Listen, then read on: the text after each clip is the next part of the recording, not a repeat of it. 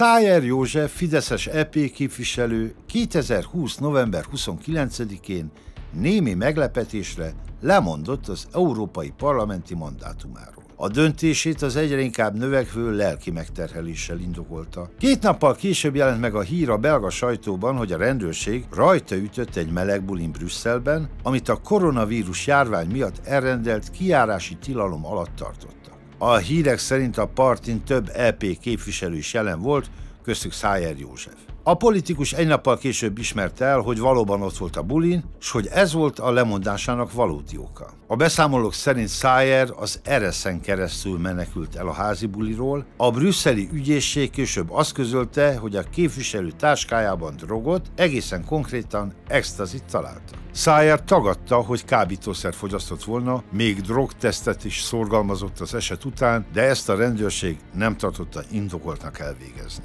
Szájer ezután kilépett a Fideszből, majd szinte az összes tisztségéről lemondott, egyedül a Nemzeti Közszolgálati Egyetem címzetes tanári tisztségét tartotta meg, de ezt meg az egyetem vonta meg tőle később. Szájer József esete azért is váltott ki nagyobb felháborodást, mert éppen ő volt az, aki a sokak szerint homofób alaptörvényt is írta, és egyébként is annak a magát keresztény konzervatívnak valló Fidesznek az alapító tagja és képviselője volt, amely többször helgelt a homoszexuális kisebbségek ellen.